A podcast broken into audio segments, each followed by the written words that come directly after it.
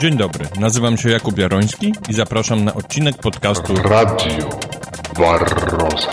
W tym miejscu chciałbym serdecznie podziękować dotychczasowym patronom i darczyńcom, również dzięki którym rozwija się ten podcast. Jest to Alk z Forum Polanka, Adam Pluciński, Magdalena Kozerska, Krzysztof Smirnow, Zofia Sebastianowicz, Maciej Disterheft, Piotr Skorupa, Luke N. Oraz czterech darczyńców anonimowych. Mogę już mówić teraz? Trzy, cztery. Jest inaczej, jak ja jestem sam i mam kamerę i sobie gadam. Mateczki w szane chodzą, ładne bakraściki. Kasa, kasa, kasa! Ja chyba wam dzisiaj tego nie nagram. Będę y, słuchał Warozy. Rad, radio Warozy. Radio Waroza. To wszystko. Nie wiem, jak mogę to dalej rozwinąć. Nie wiem. Tylko jest wiatr, siedzę w ciepłych krajach i surfuję.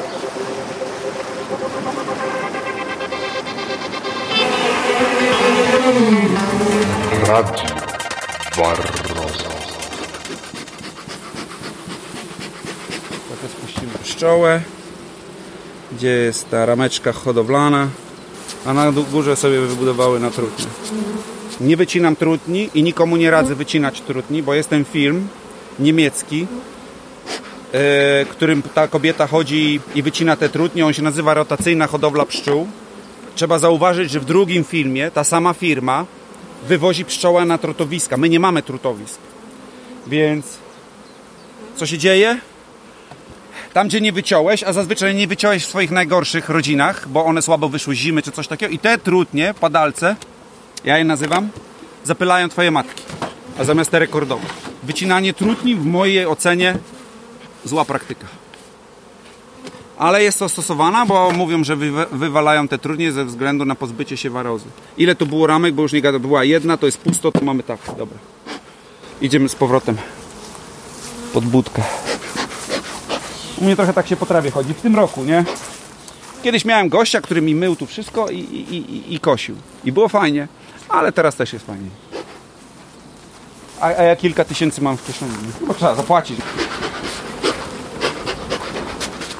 Rodziny w starterach muszą być karmione codziennie, nie? Dbamy o to, żeby zawsze miały grudę. Karmimy ciastem, bo jest mniej roboty. I teraz prawda wyjdzie, co się nam stało, nie? Będziesz miał... Wczoraj przyłożyliśmy. Ile będziemy mieli z tego matek? Tu jest jedna listwa. I tu jest druga listwa. I na tej mamy raz, dwa, trzy, cztery, pięć, sześć. Tylko sześć. Czyli połowa. 50% na tej listwie. To była górna chyba listwa, tak? A teraz dol- dolna listwa. Ta dała trochę więcej. Podała raz, dwa, trzy, cztery, pięć, sześć, siedem, osiem. O! I już jest lepiej. Idziemy. I tu jest właśnie ten moment, żeby wiesz, tych pszczół. A to my teraz wiesz, raz do tego ula, zaraz drugi raz będziemy, jeżeli to tak będzie, kurczę. Te rodziny bez matek, one są bez matek, ale mają czerw. Cały czas dbamy, co 3-4 dni dokładam ramkę z czerwiem.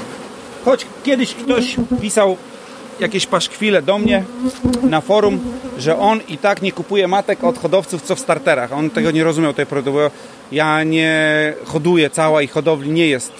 To jest tylko pierwsze 10 godzin. Żeby tylko one wystartowały, podlały, ułożyły tą larwę. I codziennie to samo. I co w tym ciekawego? Drugi miesiąc już. Drugi miesiąc, gdzie, gdzie to samo? No tak, ale e, spróbuj sobie teraz e, przypomnieć pierwszy se- sezon, kiedy zacząłeś e, komercyjną hodowlę matek. A ja wiem, na początku byłem hipisem, miałem motor, jeździłem motorem i jak nie miałem benzyny, to dopiero robiłem matki, żeby zarobić na benzynę. A dzisiaj masz. Dzisiaj już nie myślę w ogóle o pieniądzach. To pieniądze tu nie mają żadnego znaczenia. Po prostu trzeba to robić, bo jest grupa ludzi, którzy czeka na to. Szychta. Normalna szychta, tak to jak Jacek powiedział. O, i tu też mamy całkiem fajny scenariusz. Zobacz, ile mamy przyjętych. Jest jeden nieprzyjęty, nie? Bardzo dobrze. Idziemy. Ale wiesz dlaczego tak jest? Bo dzień wcześniej pracowałem nad nimi. Tu była matka. Wczoraj tu była matka. A, za, a dzisiaj już jest bez matki, nie? Sama się zrobiła, gdzieś naleciała, nie wiemy skąd. Bakwastka, sama. Bo on był bez matki, nad, zaczął, no to zacząłem go łupać, bo on coś zaczął świn... Słaby. Możemy iść do 8C. Może pszczoła urządzić, mam teraz, ale agresywne nie są. Nie są jakieś zajadłe, nie? Zajadłe? Nie. Jak na takie warunki, co z nimi robisz? Tak. 8C, 8C. Bo wiadomo, że się z nimi przy takiej produkcji nie, nie pieścisz specjalnie. No nie, to jest właśnie rzeźnia. To jest, to, to jest rzeźnia. No, to spadła jedna na podłogę. Nie? U ciebie tak nie ma. No nie, ja mam możliwość się pieścić z tymi pszczołami. Tutaj widzisz pszczoła nieżywa, nie? Tu nieżywa. To jest kombinat. No tak, ale my mamy inne, ja już też o tym myślałem kiedyś to inaczej, a dzisiaj to już po prostu zrobiło się tak jak jest. Czym bardziej pszczoła miodna, tym bardziej rabująca, bo ludzie, czym, czym masz bardziej miodną pszczołę, ona, to jest najlepszy rabun. No tak, ale to jest sytuacja patowa, bo jednocześnie chcesz mieć najbardziej miodną. No. No właśnie. To świadczyć. A oni mówią, że bakwast. mm, Bardzo często ludzie mówią, nie lubią bakwasta, że to rabuś. Nie wiem, czy słyszałeś, nie? Ale dlaczego? Bo on trochę inaczej wygląda i się rzuca na, na tle innych. Różni się. O! Mi się wydaje, że Kaukaz w połączeniu z pszczołą włoską czy z bakwastem daje wybuchową mieszankę. U mnie było na przykład, jak miałem pszczołę primorską czystą, primorską, też ona powodowała z, z różnymi pszczołami agresję. A primorską miałeś e, właśnie z tego powodu, że no, chciałeś jakieś geny odporności wprowadzać, tak? No też kombinowałem, bo liczyłem na jakieś cuda. A później życie mnie zweryfikowało, ja nie potrafiłem ani nawet tego zweryfikować, nie widziałem specjalnych różnic.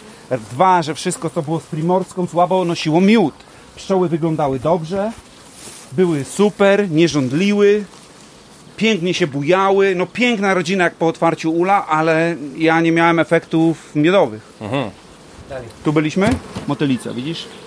Ale motylica to jest bardzo pożyteczne, tylko nie dla pszczelarza. Właśnie to jest problem. Tylko nie dla pszczelarza, bo w naturze to wygląda w ten sposób, że e, pszczoły wchodzą do gniazda, potem wyrajają się, opuszczają, no i następna jest motylica, i która dezynfekuje, to po prostu wszystko spada na dół. I na drugi rok przylatują następne pszczoły i zakładają nowe gniazda. I to tak działało. Jesteśmy w stanie wyprodukować około 10 tysięcy matek ale nie chcemy już tyle robić, bo to jest dla nas trochę za dużo, to się, to się odbija zdrowiem po prostu pszczelarza psychicznym, bo za duże godziny w pracy to nie jest dobrze.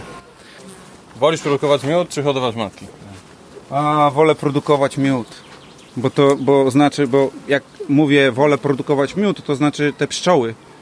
Bo hodowla matek jest polega na tym, no, że ja jestem tym robotnikiem i ja im tu przesuwam, przerzucamy z miejsca na miejsce, nie? A miód to mnie to nie obchodzi, tylko sprawdzam sobie raz na tydzień nastroje rojowe i czekam na miód, powiększam miodnie. A potem muszę go odwirować. Oni też narzekają, bo nieraz te ciepłe dni muszę wirować ten miód i to też nie jest takie fajne, bo jest gorąco. Ale tutaj cały czas jest jazda. Nie?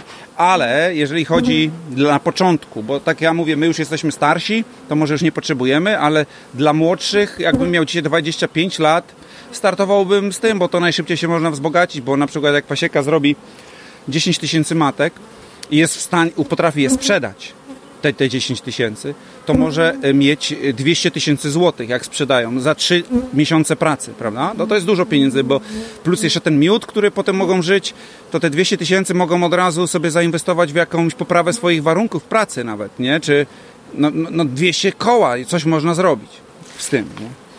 Te, natomiast pieniądze za miód y, tak spadają mniejszymi W moim przypadku, tu to Ci mogę powiedzieć, to jest około 7 tysięcy miesięcznie. Nie? Ten miód tak się na takich... Znaczy rozło- średnia z całego roku? Czy tylko... Miesięczna. Miesięcznie na miodzie mogę sprzedać miodu za 7 tysięcy Okej. złotych. Nie, nie wychodząc z domu. Nie? Jestem w stanie sprzedać za około sumę 7 tysięcy złotych miodu. Samego rynku, jak się pojedzie na dobry rynek, jak cię gdzieś zaproszą na jakieś targi, to ja lekko przywoziłem 3-2 tysiące. Tak za kilka godzin stania. Ale to jest, to jest fajne, ja lubię, bo wtedy gadasz z ludźmi, to jest ten kontakt z ludźmi. Mówię, te pszczelarstwo się kończy, bo to jeszcze był taki boom kilka lat temu na te pszczoły wśród młodych. A pszczoły to zależy z jakimi pieniędzmi wchodzisz, ale z tego co ja widzę, jak ludzie wchodzą takimi skąpymi budżetami, to od 3 do 6 lat zajmuje, zanim zaczną dostawać jakieś zwroty, bo wiadomo, przez cały czas muszą reinwestować te pieniądze, bo Boże, że miód się sprzedaje, to jest prosta rzecz. Każdy o tym wie. Ale te pieniądze, co pozyskasz, nie zawsze 100%, bo ci brakuje miodarki na początku, jakieś ule, jakieś inne rzeczy i po prostu ponad połowę zysku idzie gdzieś tam sobie. Radio Barroza. Dzień dobry Państwu. Jesteśmy dzisiaj w Kamieniu Pomorskim, wieś Benice na Pomorzu. Jak może się Państwo domyślają, jesteśmy u Tomka Miotka, pszczelarza zawodowego na Pomorzu. Witaj Tomku. Witam, witajcie. Radio Waroza. Tak jest. Miło mi Was gościć na mojej pasiece. Zacznijmy od początku, czyli takie standardowe pytanie na początek. Powiedz, jak zainteresowałeś się pszczołami?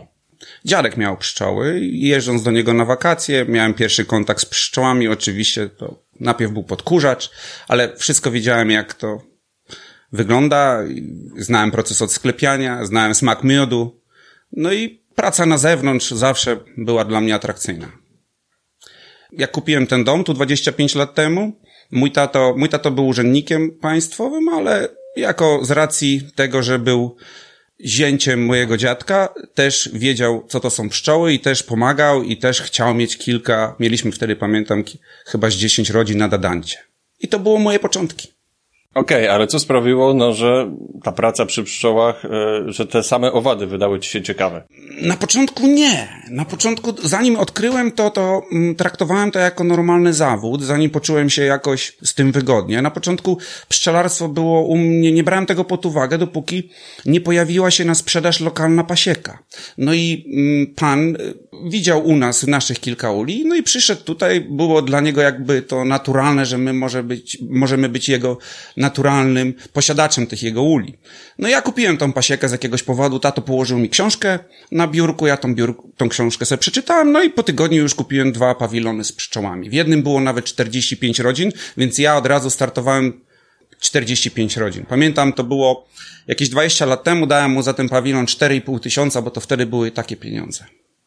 To pierwszą twoją główną motywacją było, żeby wyprodukować miód, czy po prostu sobie mm, współpracować e, z pszczołami, bo były interesujące na przykład? Ja nawet sobie nie zdawałem sprawy, jak wygląda ta praca. Ja mówię, będąc u dziadka na wakacjach, miałem kontakt z pszczołami, ja wiedziałem, co to jest, ale ja nigdy tego modelu biznesowego nie znałem. Jak ci pszczelarze żyją, bo oni pracują w sezonie, po sezonie robią coś innego i, i jedy, co było bardzo atrakcyjne dla mnie w tym zawodzie pszczelarza, to, że cały czas dzieje się coś nowego, że nie ma takiego zajęcia fabrycznego, jak ludzie mają na przykład w swoich fabrykach. My najpierw mamy start wiosenny, potem miodobrania, potem zimujemy, y, jakieś inne prace hodowlane, a potem przez cały sezon handlujemy miodem. I ten klient, y, ten kontakt z tym klientem też jest bardzo przyjemny, bo wszyscy ludzie przy, przychodzą do pszczelarza, są bardzo mili i to mi się podobało najbardziej. Jesteś jednym z pierwszych pszczelarzy, który dość mocno zaistniał w internecie. Powiedz, jak wyglądał ten rynek e, pszczelarski internetowy, kiedy na niego wchodziłeś? A na początku, jak wiadomo, jak powstało internet, zanim pszczelarze to też nie była pierwsza grupa zawodowa, która była is- istniała w internecie.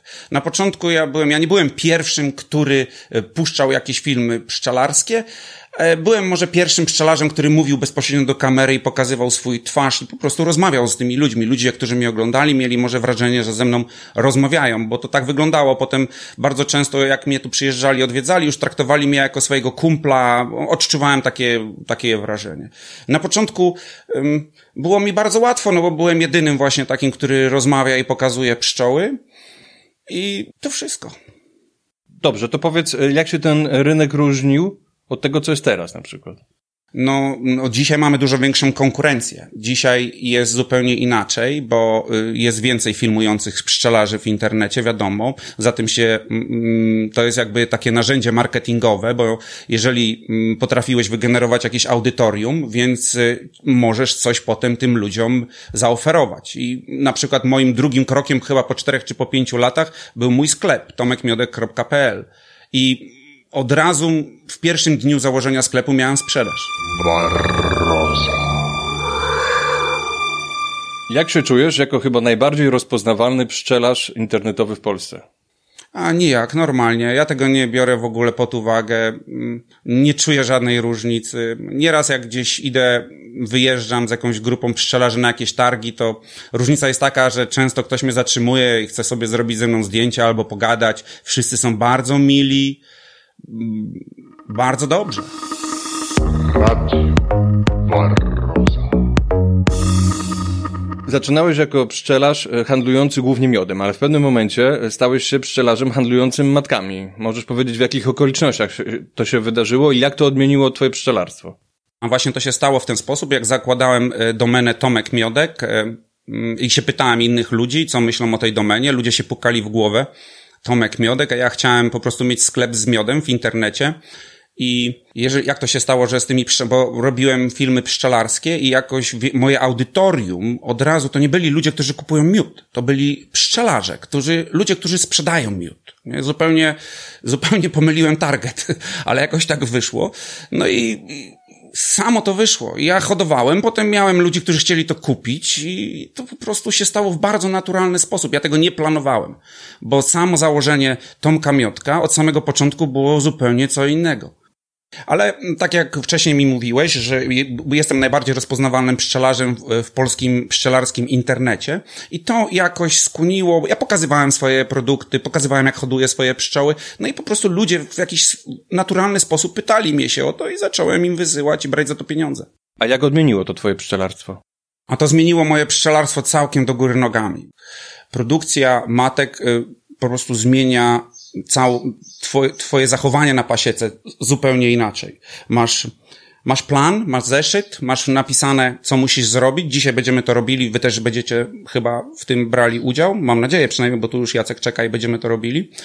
I Produkcja matek wymaga większej dyscypliny. To jest zupełnie coś innego niż na przykład, e, jeżeli masz pasiekę zrobioną na miód, możesz sobie postawić swoje pszczoły na pożytku pszczeli, możesz odwiedzać je co pięć dni, robić jakieś tam przeglądy i czekać na ten miód. W zasadzie mm, cały scenariusz pisze pogoda. Jeżeli chodzi o produkcję matek, to już pogoda nie ma żadnego znaczenia, bo jak masz 16 wyciągnąć coś z ula, to idziesz z parasolem, nawet jak pada deszcz i musisz to zrobić, bo one nie będą czekały. Te matki się po prostu wygryzą i ci zniszczą całą twoją operację. I jeżeli chodzi o produkcję matek, jest to bardziej wymagająca praca, wymaga trochę więcej sprzętu, trochę doświadczenia, żeby to robić, e, mieć większy sukces, żeby to robić, po prostu musisz mieć troszeczkę doświadczenia, żeby to robić. I to w zasadzie tyle, co można powiedzieć. Ale czy zmieniła się też twoja sezonowość, bo y, matki chyba nie można produkować po prostu od wiosny do jesieni. Ja produkuję matki od wiosny do jesieni. Ostatnimi moimi matkami, które wysyłamy naszym klientom, są to już matki unasienione i jest to we wrześniu. Ostatnie matki wysyłamy do naszych klientów we wrześniu. Jest to full time sezon. Od, od ilu lat w ogóle to robisz? Hodowlą matek y, zawodowo zajmuję się chyba od y, 99 roku. Czyli to minęło 21 lat. Być może. Czy w ogóle jeszcze odczuwasz w takim razie przyjemność z pracy z pszczołami? Generalnie dzisiaj, jak mnie zapytasz, bo przyjechaliście do mnie w momencie, gdzie jest sezon, to nie mogę tego powiedzieć, bo czuję się zmęczony. e, Po prostu jak kładę się do łóżka, to się cieszę, że już koń, skończył się dzień, a jak się budzę, to, też, to się nie cieszę, bo wiem, że ten cały dzień muszę przechodzić na swoich nogach, bo to jest generalnie praca chodzona z ula do ula, plus zapiski. Jest to bardzo wyczerpująca praca w sensie takim, bo jest nudna, bo tam się nic nie zmienia. Codziennie przekładamy, wyciągamy larwy, przekładamy je do e, już gotowe mateczniki wsadzamy w lokówki, wrzucamy je do mm, cieplarek i codziennie jest to samo. Codziennie wygryza się pszczoła i nie masz z tego żadnej radości. I na dłuższy okres, jeżeli pszczelarz założy sobie serię matek, albo dwie, albo trzy, to może być ciekawe, bo on czuje, że ma ten proces tworzenia czegoś. A przy takiej pracy jak my już mamy, to chyba nie czujesz tego, tego procesu, że coś tworzysz. Po prostu jest normalna robota. Tak w szczycie sezonu teraz, bo jesteśmy u ciebie w szczycie w sezonu. E, jak hodujesz matki, ile razy dziennie potrafisz zobaczyć, jak matka się wygryza?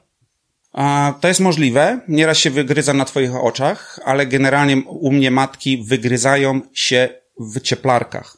I zazwyczaj jest tak, że ja już je wyciągam w lokówce i one są y, już wygryzione. Ale często tak bywa, że widzę na przykład, jak z matecznika wychodzi języczek i ona tam w kółko sobie piłuje, wycina. I co wtedy, i co wtedy czujesz? Piękno narodzin, czy może yy, pojawiające się pieniądze?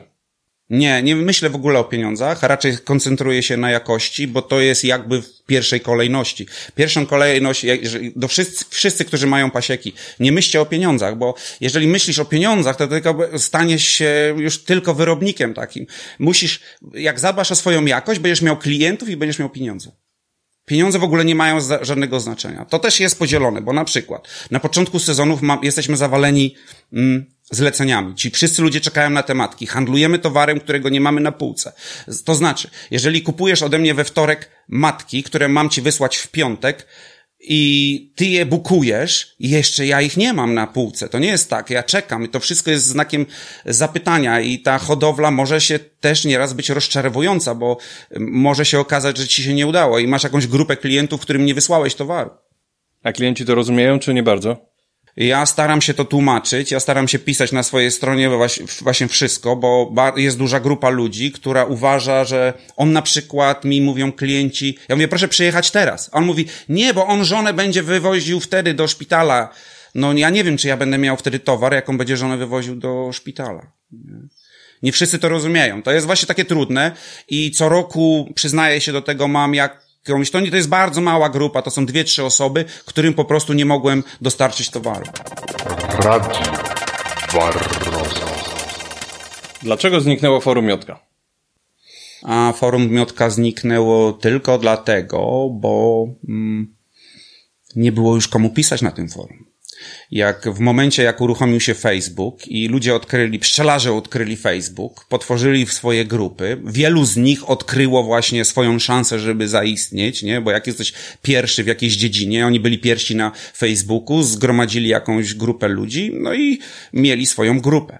I ten trafik pszczelarski przeniósł się na Facebook. Utrzymanie forum Kosztowało mnie trochę czasu, bo wiadomo, co jakiś czas trzeba zmienić program, zmieniają się serwery, zmienia się oprogramowanie, ty musisz to cały czas y, utrzymać, żeby to działało i doszedłem do takiego momentu, że stwierdziłem, że już jest to niepotrzebne, bo to nikomu nie służy.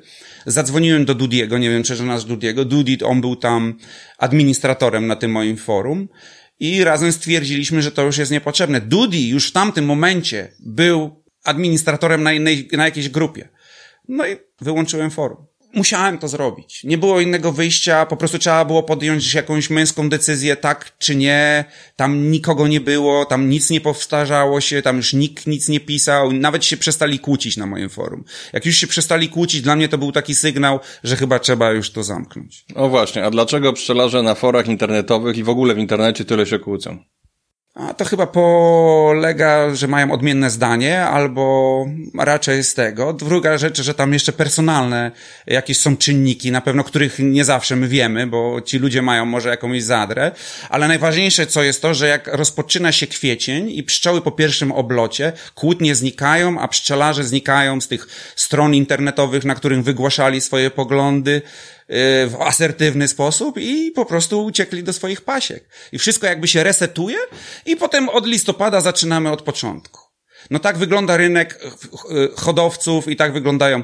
Najważniejsze jest to, że to, to co się dzieje w, w internecie, to, to jest część tylko naszego życia. Wiadomo, to jest bardzo ważne, bo ludzie tam wieczorami sobie siedzą i piszą do siebie, komunikują się za pośrednictwem tego internetu. Ale wszystkie, czy, czy się kłócą, czy są na siebie źli, ale generalnie większość kontaktów pszczelarskich, jak mamy personalnie, jak ja mam z wami, czy mam z innymi pszczelarzami, są bardzo miłe, wszyscy są grzeczni, nikt się nie kłóci. Jakie aktualnie pszczelarstwo ma problemy? Jest kilka problemów w pszczelarstwie. Największym mi się wydaje problemem, wrogiem e, takim są przepisy odnośnie pryskania. Chodzi mi o rolników i jest to problem i wydawałoby się, że niby są sprawy uregulowane, ale nie są, bo jeżeli chodzi o zatrucia pszczół czy podtrucia pszczół są nagminne, to mi się zdarzyło w tym roku, moje pszczoły były potrute, w sensie takim, że pszczoła lotna została y, zatruta, no i mm, pasieki bliżej, które były koło tego pola, gdzie, gdzie pryskali tym nielegalnym środkiem, miały jeszcze większe zatrucie, bo tam było bardzo dużo i często słyszę raz dziennie, raz w tygodniu ktoś do mnie dzwoni i mówi, że zatruli mu pszczoły, więc to mi się wydaje, w tym momencie jest y, bardzo duży czynnik, nie? który ma wpływ na to, no bo jeżeli się starasz o coś i chuchasz i dmuchasz na to, a potem bezmyślnie ktoś zatruje twoje pszczoły, no to jesteś bezradny na to. Nasze przepisy w Polsce są jakieś przepisy, mamy, które reg- regulują to, ale one działają na korzyść pszczelarza tylko wtedy, jeżeli złapiesz na gorącym uczynku y, tego mm, rolnika i tą substancję czynną, którą on używał w tym opryskiwaczu, jesteś w stanie ją jakoś stamtąd zabrać, czy próbki gleby, czy mm, jakieś części i potrafisz mu tego, to udowodnić i najlepiej jak masz jeszcze kamerę i to nagrasz i wtedy, bo ja nie słyszałem o takich sprawach, żeby pszczelarz dostał odszkodowanie, jak nie spełnił tych warunków, jak nie złapał tego y, rolnika. Nie? Bo tak to jest tylko na domyśle, to można potem jeździć, szukać śladów, ale to już się nic nie zrobi. To już będzie po ptakach. Wszystkie odszkodowania, jak, które dostali pszczelarze, to były zazwyczaj w okolicznościach takich, że pszczelarze złapali tego rolnika. I wtedy faktycznie tak. Druga sprawa, że jeszcze mm, tam jest taki czynnik personalny, bo dużo zależy od sędzi, bo to jest takie, e, można to interpretować. Mamy po prostu źle zbudowane prawo, jeżeli chodzi o opryskanie. Oni mogą cały czas pryskać. Powinno być, oni nie powinni pryskać w dniach lotu pszczoły, tylko w nocy.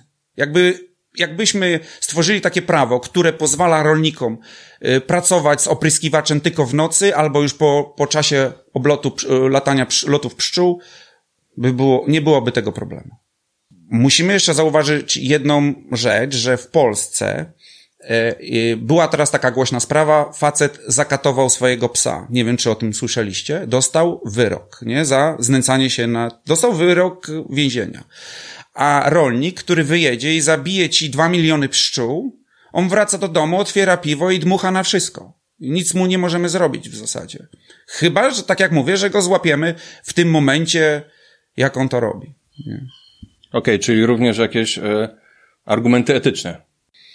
Argumenty etyczne mi się wydaje chyba nie działają, bo y, wszyscy rolnicy, którzy używają opryskiwacza, wiem, że co jakiś czas, nie wiem czy to jest co rok, co rok czy co dwa lata, zdobywają jakby licencje, są szkoleni. I na tych szkoleniach im tam się wałkuje o tym, o tych owadach, o pszczołach, i, ale mimo wszystko nie ma liczyć, nie możemy liczyć na dobrą wolę, bo potem przychodzi lato. Taki, zazwyczaj to się dzieje, że właściciel puszcza swojego pracownika, mówi, dobra, pójdź tam wieczorem, on troszeczkę może za wcześniej, albo zjeżdża tego, już powinien zakończyć pracę o piątej rano, a on jeszcze zostało mu trochę, to jeszcze pryska sobie tam do dziesiątej. No i te pszczoły giną. Nie? Pszczoły lecą i giną. Co sądzisz na temat zarabianiu na pszczołach przy zapylaniu? Czy to w Polsce w ogóle jest możliwe? Dlaczego to jest niemożliwe w Polsce, powiem może? Dlatego, że wciąż jest bardzo dużo pszczelarzy, którzy postawią na polu rzepaku za darmo. Z przyjemnością. Jeżeli pójdziesz dzisiaj do jakiegoś rolnika i zapytasz go się, czy to jest pana pole? Tak, to jest moje pole. Czy ja mogę postawić swoje pszczoły? Tak, może pan postawić swoje pszczoły. A czy pan mi zapłaci? Nie. To będzie pierwsza odpowiedź. No i jak myślisz, ten, ten pszczelarz postawi czy nie postawi? Patrzy, ma dobrą miejscówkę, rzepak jest niczego sobie, nie ma z tego pieniędzy, ale postawi. Dlaczego? Bo będzie miał miód. W Polsce wydaje mi się, że w Stanach istnieje ten e, e, rynek zapylania, ale Rów, również Kanada. tak, ale to są wielkie obszary, na przykład e, jakichś orzechów, te, jak te orzechy się nazywają? Migdałowce. Migdałowce. I tam nic nie ma. Nasi polscy rolnicy zawsze jeszcze mogą polegać na tych tak zwanych naturalnych zapylaczach. Są jakieś muszki, jakieś owady, żuczki, które też biorą udział w tym samym procesie. Tam może na tych ogromnych monokulturach, jak gdzieś tam w Kalifornii mają 10 tysięcy monokultury jednej, tam nie ma tego i dlatego mus, są zdani jakby na, e, na pszczoły, na zapylanie przez pszczoły. Nasz rolnik w Europie. Załóżmy jeszcze jedną rzecz, że raczej w Europie nie ma tego typu płacenia za, może gdzieś to się zdarza. Wiem, że um, plantatorzy faceli, żeby zwiększyć ilość swoich e, nasion, oni to jakby bardziej rozumieją i oni zapraszają pszczelarzy, ale nigdy nie słyszałem, że pszczelarz dostał jakąś kasę. Zazwyczaj to jest tak, że pszczelarz dostał jakąś bezpieczną miejscówkę, gdzie może postawić swoje pszczoły. U mnie w podcaście e, Jacek Mert, taki pszczelarz zawodowy, mię- między innymi mówił o tym, że zarabia w ten sposób na sadach. Aha. Tak, sady to można. W ogóle sadownicy to jest jakby nowa grupa pszczelarzy, która się pojawiła się w Polsce od kilku lat. Ja już to obserwuję od pięciu lat, że sadownicy robią sobie szkolenia pszczelarskie, kupują ule i stawiają pszczoły, yy, bo na początku mieli, chodziło o tego czmiela zapalającego, ale czmiel był taki kapryśny. Z tym czmielem trzeba się wbić w odpowiedni moment, a wiadomo, jak to w rolnictwie, pogoda pisze scenariusz i nie zawsze możemy się wbić, a pszczoła zawsze jest jakby bardziej na niej można polegać. Pszczoła miodna. Pszczoła miodna. Ponieważ w Polsce istnieje ponad 450 gatunków pszczół. Nie wiedziałem o tym. W takim razie cóż mogę zaproponować, jak tylko słuchanie moich podcastów? No tak. Ja już te, już te... teraz już was znam i będę y, słuchał Warozę. Rad, radio Warozę. Radio Waroza. Dzisiaj dostaniesz ode mnie w prezencie kwietniowy magazyn Wiedza i Życia, gdzie piszę o zapylaczach nocnych. Też takowe istnieją. Czy pszczoły też są zapylaczami nocnymi? W Polsce nie, ale w, yy, na terenach egzotycznych są też gatunki, które zapylają również w nocy. Ciekawe. Ym, tutaj jest taka mój tutaj następny dom na, za moją mm, posesją. Yy, za tym domem stoi wielka stara akacja i w sprzyjających warunkach w ciepłe noce jest tam jeden wielki huk. Ale nie wiesz, co tam jest, prawda? No nie sprawdzałeś. To są pszczoły. Miodne? Tak. Od drugiej w nocy normalnie huczą pszczoły. Ale jest to w specjalnych warunkach. Musi być parny dzień, akacja nie jest takim, nie można polegać w 100% na akacji, bo ten pożytek jest taki trochę kapryśny, tam wystarczy coś się stanie. Nawet jakieś mrozy majowe, mm, czy tam marcowe, czy lutowe potrafią taki pożytek zniszczyć. I, y, ale są lata, gdzie w nocy pszczoły oblatują akację. Tą tutaj u mojego sąsiada. To skąd to wiem? Bo sąsiad mi mówił i raz mnie zaprosił i ja zacząłem to badać i faktycznie tak jest. W nocy brzdękają tam pszczoły. Mm, Tomek, może powinieneś, wiesz, te dane sprawdzić, zweryfikować rzetelnie i zrobić jakieś y, podstawową obserwację naukową. Ja jeszcze na razie nie jestem na takim etapie, bo ja cały czas y, mam dużo klientów, ale kiedyś mm, takie obserwacje będę prowadził. Już mam taki plan, ale na razie muszę pracować. Radio. Czy pszczelarstwo w Polsce się jeszcze opłaca? Coraz mniej, ale to nie tylko dlatego, że rentowność pasiek spada, tylko że ludzie zaczęli zarabiać więcej w innych zawodach. I podam taki przykład. Paweł Rój, ci co oglądają moje filmy znają Pawła. I Paweł Rój zrobił sobie mm, kurs spawacza. No i teraz szuka, pra- jak, jeżeli szuka pracy, to tylko taką, która mu zapłaci 12 tysięcy plus miesięcznie. I mi się wydaje, że z tą konkurencją trudno będzie nam rywalizować. I chodzi mi o to, że konkurencyjność tych zawodów polega na tym, że e, więcej e, młodych ludzi będzie próbowało odnaleźć się w tych e, bardziej płatnych zawodach, a pszczelarstwo będzie schodziło jakby mm, nie będą tego brali pod uwagę, że mogą się z tego utrzymywać. Bo mimo wszystko pszczelarstwo to jest piękny styl życia, bo cały czas robimy co innego, nie jest to praca fabryczna, mamy kontakt z ludźmi i, i jak trzeba go nie mamy, bo pracujemy ze swoimi pszczołami. Potem mamy powiedzmy długie wakacje, jak ktoś ma tak wypracowane, że pracuje tylko mm, latem, drugą część roku, czyli zimą, może sobie gdzieś odpoczywać. Jest to praca skomasowana do kilku miesięcy. Pracuje się, nie ma wolnych niedziel, bo pszczoły też nie znają dni tygodnia, zasuwają i my zasuwamy razem z nimi. Czy pszczelarstwo zawodowe to bułka z masłem, czy zapierdol? Pszczelarstwo zawodowe to jest zapierdol. To jest praca od rana do wieczora. Trzeba się tego nauczyć. To jest dyscyplina. Przede wszystkim, jak ktoś nie ma dyscypliny, niech w to się nie wbija, bo zawsze mm, takie osoby będą potrafiły sobie znaleźć jakiś inny powód, żeby nie iść do tych pszczół. Pszczelarstwo zawodowe to jest praca na czas. To, co nie ma tego, że to, co robisz, e, co, że możesz to zrobić jutro. Wszystko trzeba robić na czas. Jak ktoś nie ma takiego zacięcia, takiej samokontroli, to niech w to nie wchodzi. Wspomniałeś o tym, że być może w przyszłości, no może na emeryturze, będziesz robił jakieś badania tutaj e, ciekawe owadach. Z tego wnioskuję, że owady dalej cię jednak interesują. Głównie oczywiście pszczoły miodne. E, w takim razie zapytam o twoje perspektywy na przyszłość. Czy Tomek Miodek wyobraża siebie jako pszczelarz na emeryturze? Tak, ja będę pracował. To jest właśnie druga rzecz, którą też warto powiedzieć, że my pszczelarze pracujemy do końca, bo wszystkich pszczelarzy, którzy może nawet jak już y, y, w swoich y, ostatnich latach życia zredukowali te pasieki, ale te pszczoły zawsze mają w swoich ogrodach i zawsze przy nich pracują. I to jest właśnie bardzo fajne, bo możemy jako pszczelarze możemy pracować do samego końca. Oczywiście ten profil mojej hodowli się, bo ja co roku, tylko że dziwnym jakimś trafem, co roku sobie obiecuję, że już tą hodowlę matek to już jest ostatni rok, tylko że potem przychodzi ten okres urlopowy i znowu człowiek odpoczął i zaczyna za tym tęsknić i, i jakoś wbija się znowu w tą produkcję, potem myślisz, znowu to robię, a może już nie powinieneś tego robić. Ale masz takie myśli, żeby rzucić to wszystko w cholerę? W momencie jak e, w sezonie, gdzie jest gorąco, pszczoła żądli, gdzie mam bardzo dużo telefonów, myślę zawsze sobie, że to już jest ostatni rok. Ale nie, że rezygnuję z pasieki. Nie. Z hodowli matek.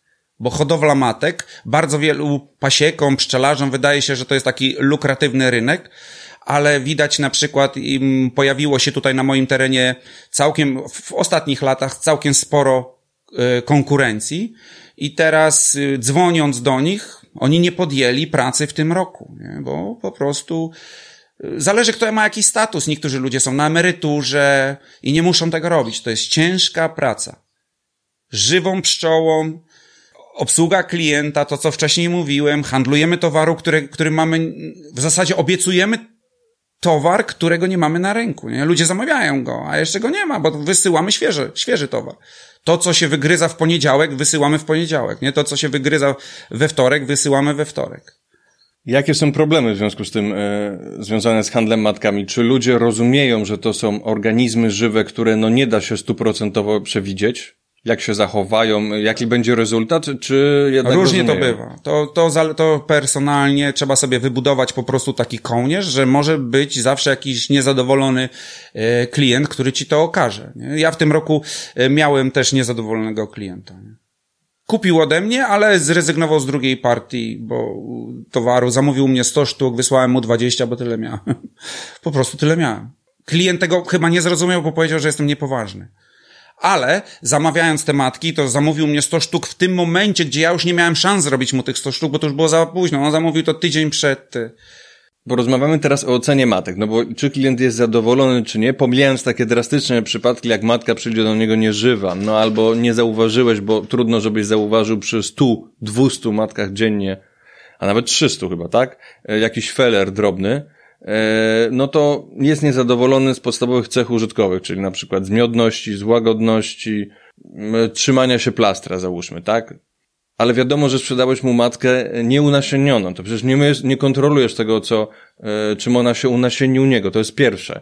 A druga sprawa, no jeżeli od razu jest niezadowolony i informuje cię o tym, no to wydaje mi się, że po miesiącu nie da się jeszcze tego ocenić. Chyba po, powinien po prostu przezimować tą matkę i przepracować z nią cały sezon, tak, żeby to ocenić. Nie wiem, czy się zgodzisz. Hodowla, zacznijmy od samego początku. Hodowla matek. Jeżeli ktoś będzie próbował ugryźć ten kawałek chleba, będzie chciał skorzystać z tego lukratywnego rynku, to musi pierwsze co, to trzeba sobie umieć się pogodzić ze stratami, bo tam są straty na każdym poziomie.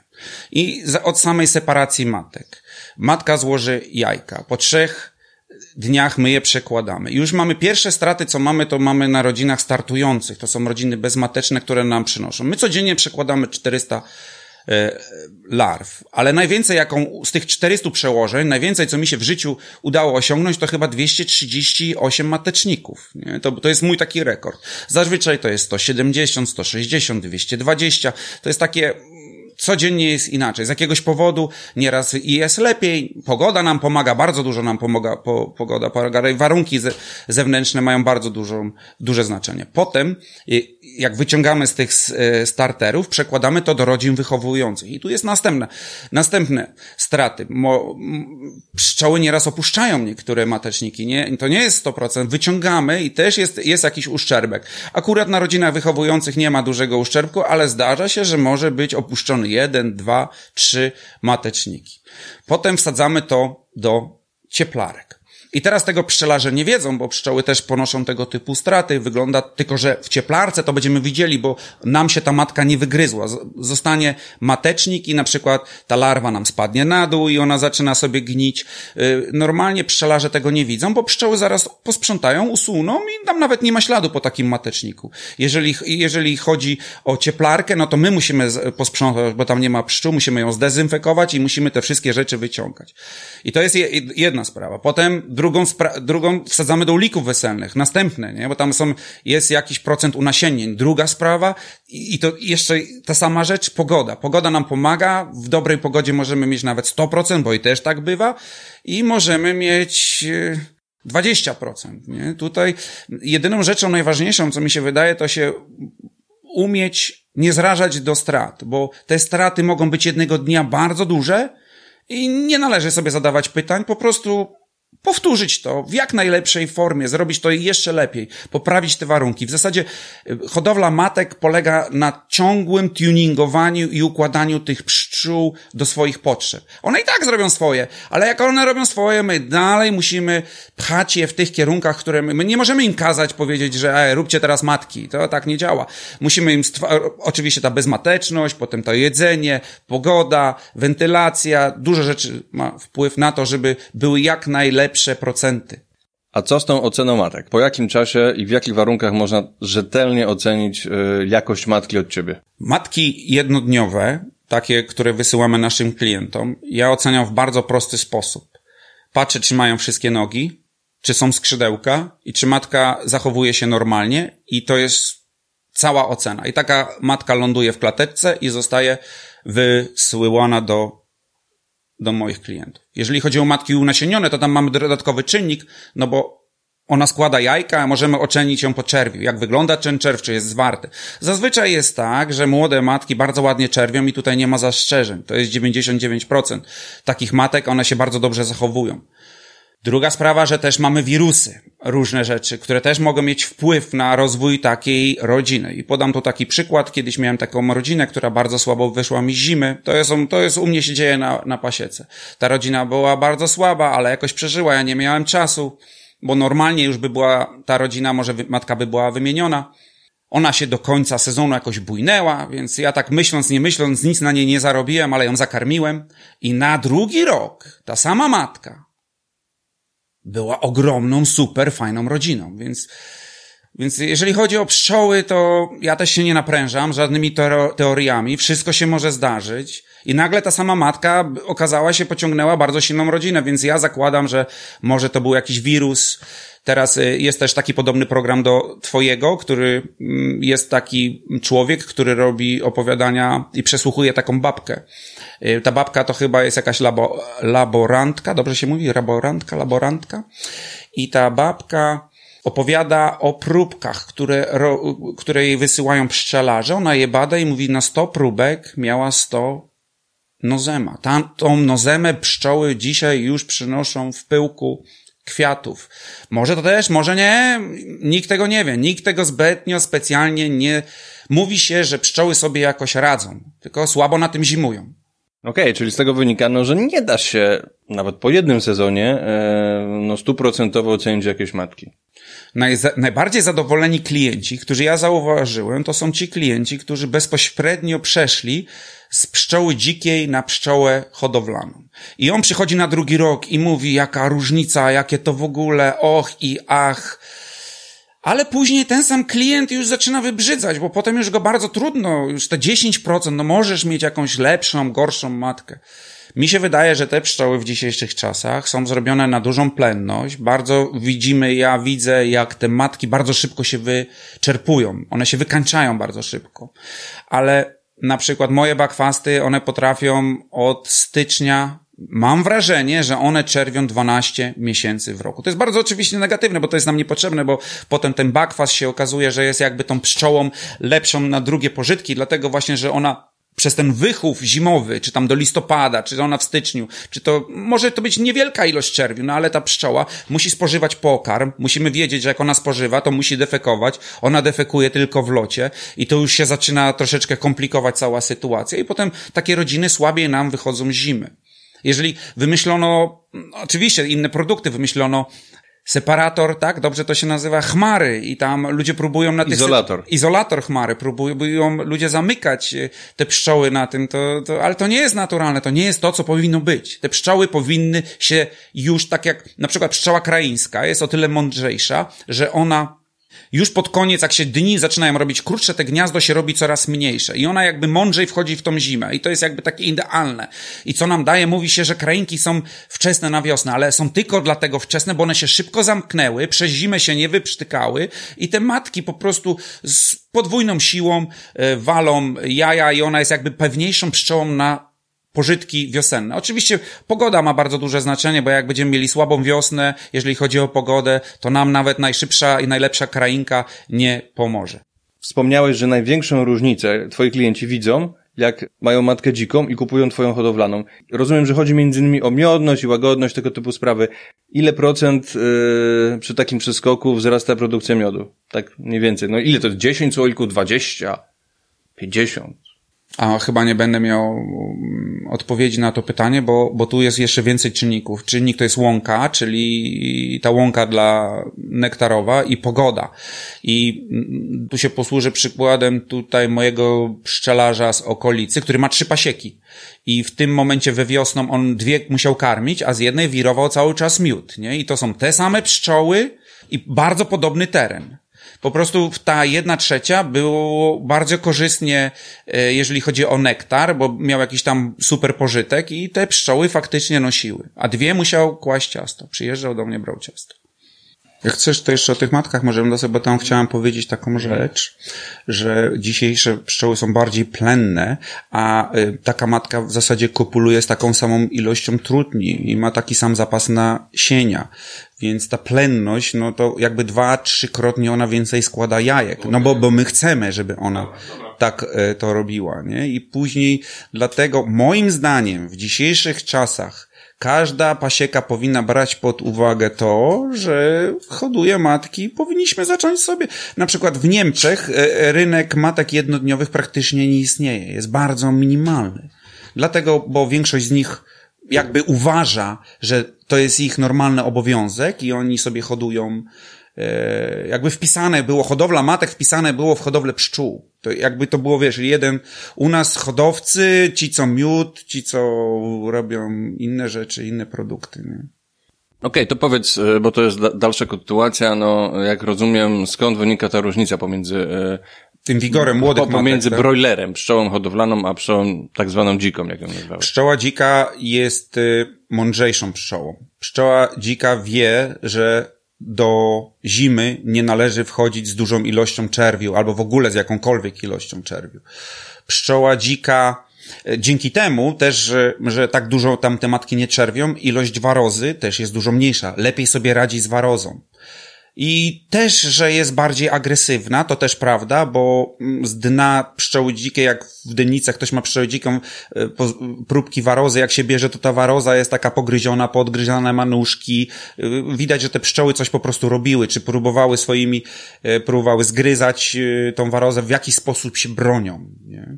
Pszczoła mm, hodowlana jest y, bardziej nastawiona, bo my chcemy, żeby one były bardzo plenne, nie? Zauważmy, że nieraz na tych właśnie Facebookach czy forach pszczelarze się chwalą. Teraz już mniej, ale kiedyś więcej ramkami, które tak zwane ramki karty, które były zaczerwione w stu procentach, nie? Takie karty. I tego czerwiu jest więcej, czyli ten, y, te pole do rozmnażania tej warozy jest dziesięciokrotnie większe. Te, te- tej waroza może tam sobie składać jajka i się rozmnaża. Mamy więcej warozy przez te y, pszczoły właśnie hodowlane. Pszczoła dzika y, lepiej sobie radzi w terenie. Wydaje mi się, że jest, że może być kiedyś powrót do tej pszczoły dzikiej. Ale z pszczołą jest tak, że każde następne pokolenie, weźmy każdą matkę hodowlaną i próbujmy ją Okiełznać wielopokoleniowo? Każde następne pokolenie będzie bardziej agresywne. To jest pierwsza rzecz. Druga rzecz jest, będzie sobie lepiej dawało radę w terenie. Jest bardziej przystosowana do terenu, ale najważniejszą cechą e, tej, co jej pozwala prze- przeżywać jako dzika pszczoła, jest to, że ona nie idzie do zimy z wielką ilością czerwiu, nawet idzie do zimy w ogóle bez czerwiu. Wiadomo, że mamy warozę, e, tym polem, e, na którym się rozmnaża waroza jest czerw i pszczoły e, hodowlane jakby stwarzają lepsze warunki do rozwoju pasożyta warozy. Jak mamy pszczołę dziką i odpalimy tabletkę warozy, y, apiwarolu, jak spadnie nam 70, to mówimy, że jest inwazja. Jeżeli mamy pszczołę hodowlaną i spadnie nam 500, to się mówi, a to po pierwszym dymieniu masz 500, nie? Potem 200, potem może, musimy do 10 przynajmniej zejść. Jak mamy 10, to już może nam to wystarczy, nie? Wiadomo, że wtedy dużo nie jesteśmy w stanie do zera wyciągnąć. Wspomniałeś o pszczole Buckfast, o jej wadach właśnie, mm, które wynikają z hodowli, po prostu z selekcji hodowlanej, użytkowej e, i sprowadzaniem, no, prawda, genów e, zaimportowanych z innych, e, czasem odległych krain. Jednocześnie porównywałeś ją z pszczołą dziką i wskazałeś na pewną mądrość środowiskową pszczoły dzikiej. No, Są ludzie, mm, no, którzy krytykują Buckfasta, no, krytykują na przykład takich hodowców jak ty, który wprowadza, no, przyczynia się do wprowadzania genów do środowiska, no tych mniej mądrych, no używając twoich słów, co byś mógł im odpowiedzieć? No to jest hodowla. My, czy, y, kto, jak ktoś się zdecyduje na pszczołę bakwast, musi wziąć to pod uwagę, że będzie musiał trzymać tą pszczołę w ulu, hodować ją w ulu, będzie y, na pasieczysku. To nie jest pszczoła, która sobie dałaby radę ym, w dzikim terenie, dlatego że mm, przeżywalność jej by była bardzo niska albo, albo zerowa. Tak jak wcześniej powiedziałem, te cechy, które ma pszczoła dzika, jakby ograniczone czerwienie, budowanie mniejszych gniazd. Jako hodowcy pszczół, pszczoły miodnej, z tym celem uzyskania dużej ilości miodu, pszczoła bakwas jest dobrym rozwiązaniem. To dobry scenariusz. Jeżeli chcesz trzymać sobie pszczoły na hobby, nie leczyć ich, nie ingerować, może dzika pszczoła będzie lepsza. Będzie można z daleka na nią patrzeć, ona sobie, sobie sama da radę. Miodu będzie niewiele, może trochę żądeł. Takie pszczoły mają szansę na przeżycie następne 5 milionów lat na naszej planecie. Po pierwsze, nikt się do nich nie, nie zbliży, bo będą agresywne i one będą potrafiły same sobie zaradzić, poradzić z warozą. Nawet jak będą żyły, to i tak ta waroza będzie na bardzo małym poziomie. A teraz, jeżeli chodzi o mój wpływ, jako hodowca ba- bakwasta. Na przykład ja, ja w mojej hodowli też są krainki. I chcę od tego zacząć, że pszczoła kraińska też nie jest pszczołą tutaj e, z naszego terenu, bo y, tutaj była pszczoła Apis mellifera amerifera, tak? To już mówiliśmy o tej pszczole środkowo i, i my ją tutaj uznajemy za pszczołę dziką, chociaż też już jest hodowla i doszło do jakiejś selekcji i nawet tutaj był hodowca, ta była pszczoła wiking, nazywali ją, nie wiem czy słyszałeś, u pana marszałka Henryka i oni hodowali tą pszczołę i to pszczoła była niby pszczołą tutaj u nas e, z naszego terenu, naturalną, to była pszczoła, która trochę bardziej żądliła, lepiej zimowała, to prawda. Lepiej sobie radziła zimą. Dużo. Czy jaki ja mam wpływ na to? Mówisz, że moje trudnie le...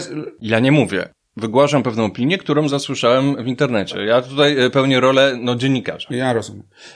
Ja się nie czuję w tym wcale źle, bo mi się wydaje, że bardzo łatwo jest odwrócenie tych, e, wprowadzając tą pszczołę i te trutnie tutaj w nasze środowisko, te trutnie kopulują. My tutaj nie mamy dzikiej pszczoły tak czy inaczej, jakbyśmy nie mamy co niszczyć.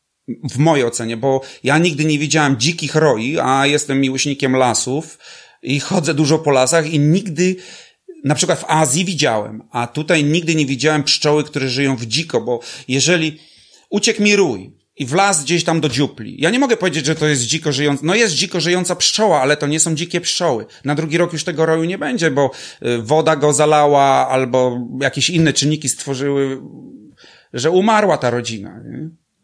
nie czuję tego w ten, do, do tego, co, i, co bijesz, do tego, że my mamy tu jakiś wpływ, nie czuję, że coś tu się psuje. Bo dla hodowców ta pszczoła będzie cały czas najlepszą pszczołą. Jako hodowcy pszczół będziemy, zobacz co mówią moi klienci. Łagodność, bo mam ule przy domu. Ludzie chcą mieć, trzymać taką pszcz pszczołę. Nic z tego nie zmienisz. Jeżeli ja nie będę tego sprzedawał, to ktoś inny to przywiezie. Hodowla bakwasta na świecie to jest bardzo duży biznes. Chyba Niemcy odegrali największą rolę w tym temacie, bo tam najwięcej było selekcji odnośnie, chyba najwięcej selekcji mi się wydaje to Niemcy wygenerowali na potrzeby, Amerykanie też, bo na potrzeby swojego rolnictwa musieli, wydawali dużo pieniędzy, żeby właśnie zbadać, otw otw otwierali na uniwersytetach kierunki, gdzie badali te pszczoły. Teraz traktor przejedzie też fajnie. Zaraz pojedzie.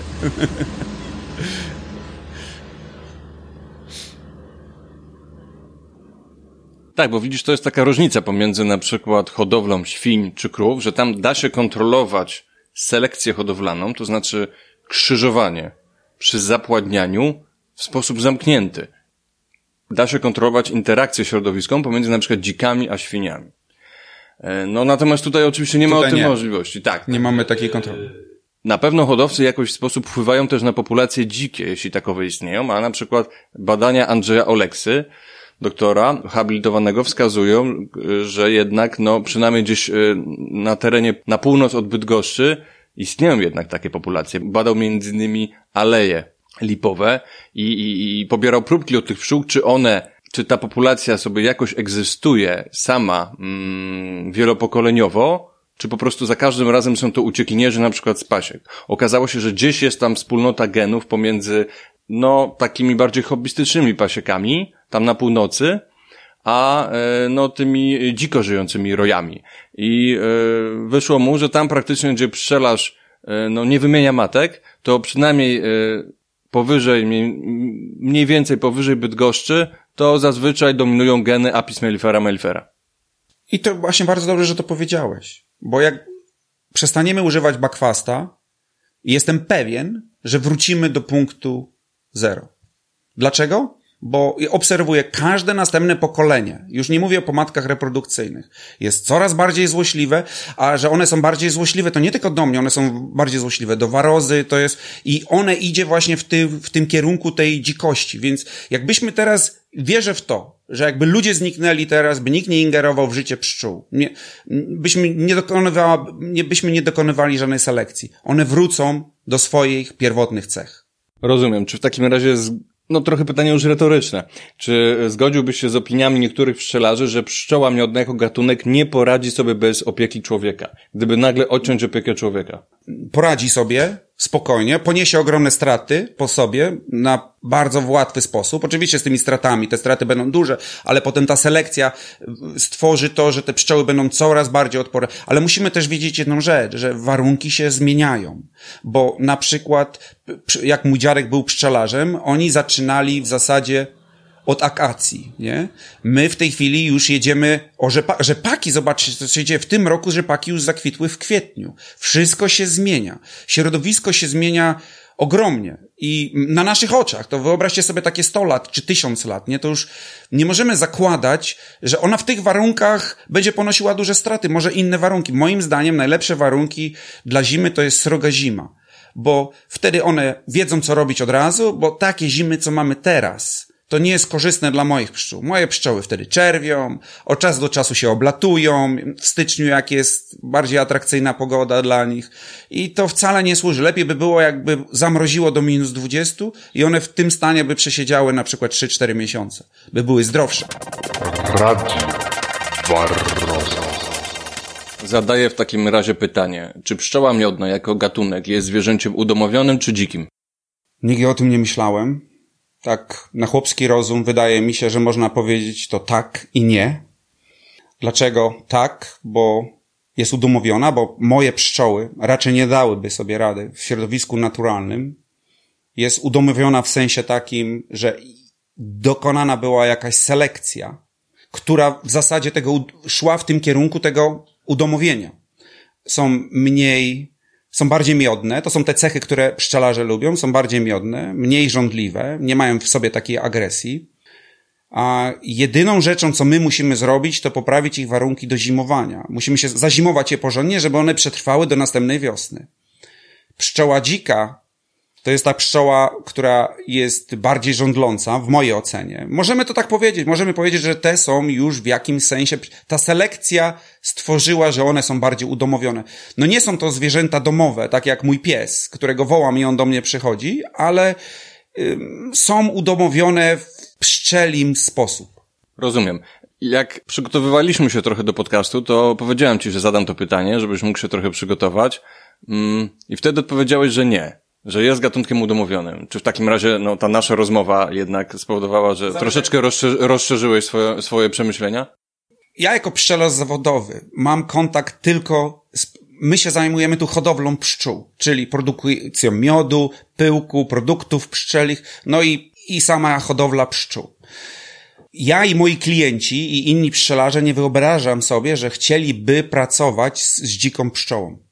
To by było raczej mało sympatyczne i dla tych pszczół, i mi się wydaje, że dla tych pszczół jest bardziej sympatycznie mieszkać w tych ulach. One zostały stworzone do mieszkania w tych ulach. Ale czy ty jesteś selekcjonerem pszczół? Nie. Ja jestem na tym etapie, że ja się jeszcze uczę cały czas tego pszczelarstwa. Ja współpracuję w pewnym sensie tak, ale nie mam żadnych efektów. Jak na razie jakichś tam fajerwerków, to się nie toczy. Raczej współpracuję z ludźmi, którzy selekcjonują te pszczoły.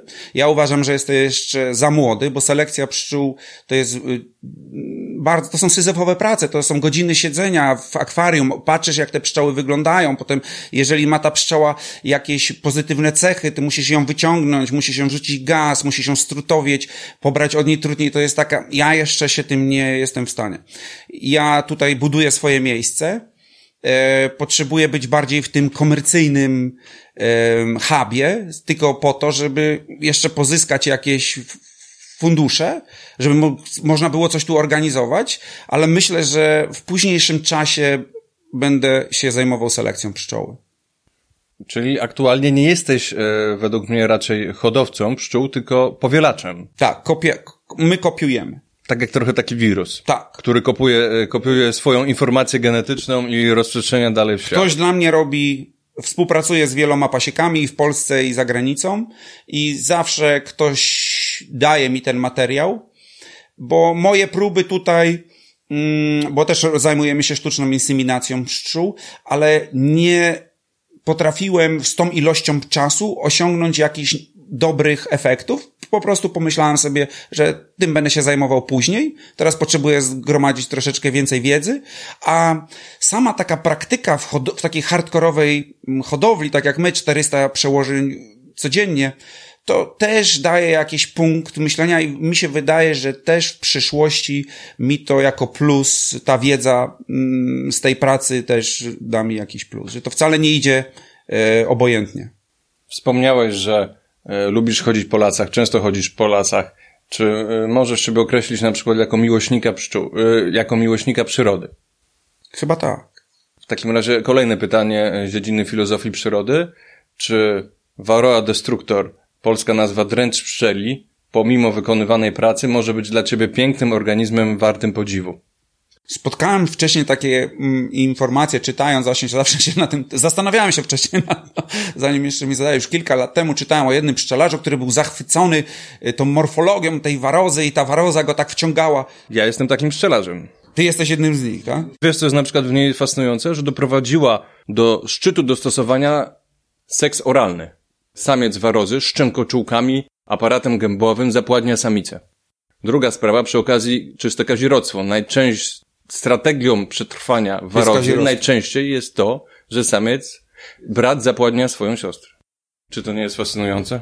No i jakoś nie przeszkadza to temu gatunkowi, nie? Bo Jakoś nie przeszkadza. Dla niektórych gatunków by było to jakby harakiri. Tak, tylko zgodnie z aktualną wiedzą ewolucyjną, z ekologii ewolucyjnej, nic w przyrodzie nie dzieje się dla dobra gatunku. E, to raczej są osobniki, to jest po prostu pewna pula genów, które uczestnic- uczestniczą w grze.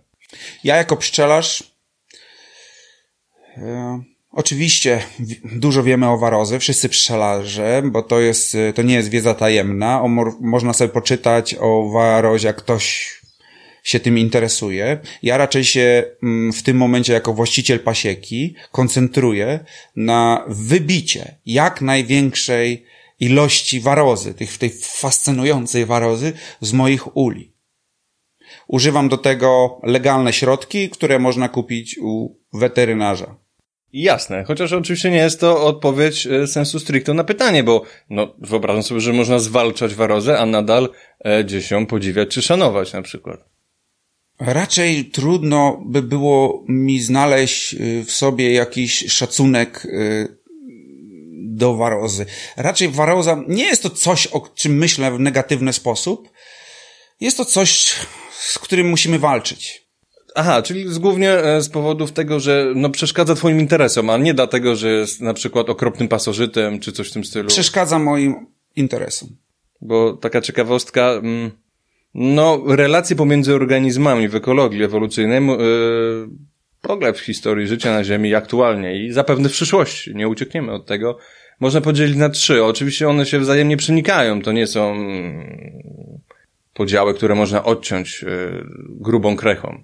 Yy, To jest mm, mutualizm, powszechnie to się nazywa sy- symbiozą, no, czyli kiedy y, relacja dwóch organizmów albo więcej jest dla obu stron korzystna. Komensalizm, wtedy kiedy y, jeden organizm y, czerpie pewne zasoby z drugiego, ale no, nie szkodzi mu. No i pasożytnictwo, kiedy organizm żeruje, eksploatuje i I tu mamy z tym do czynienia. na zasobach innego mm, organizmu.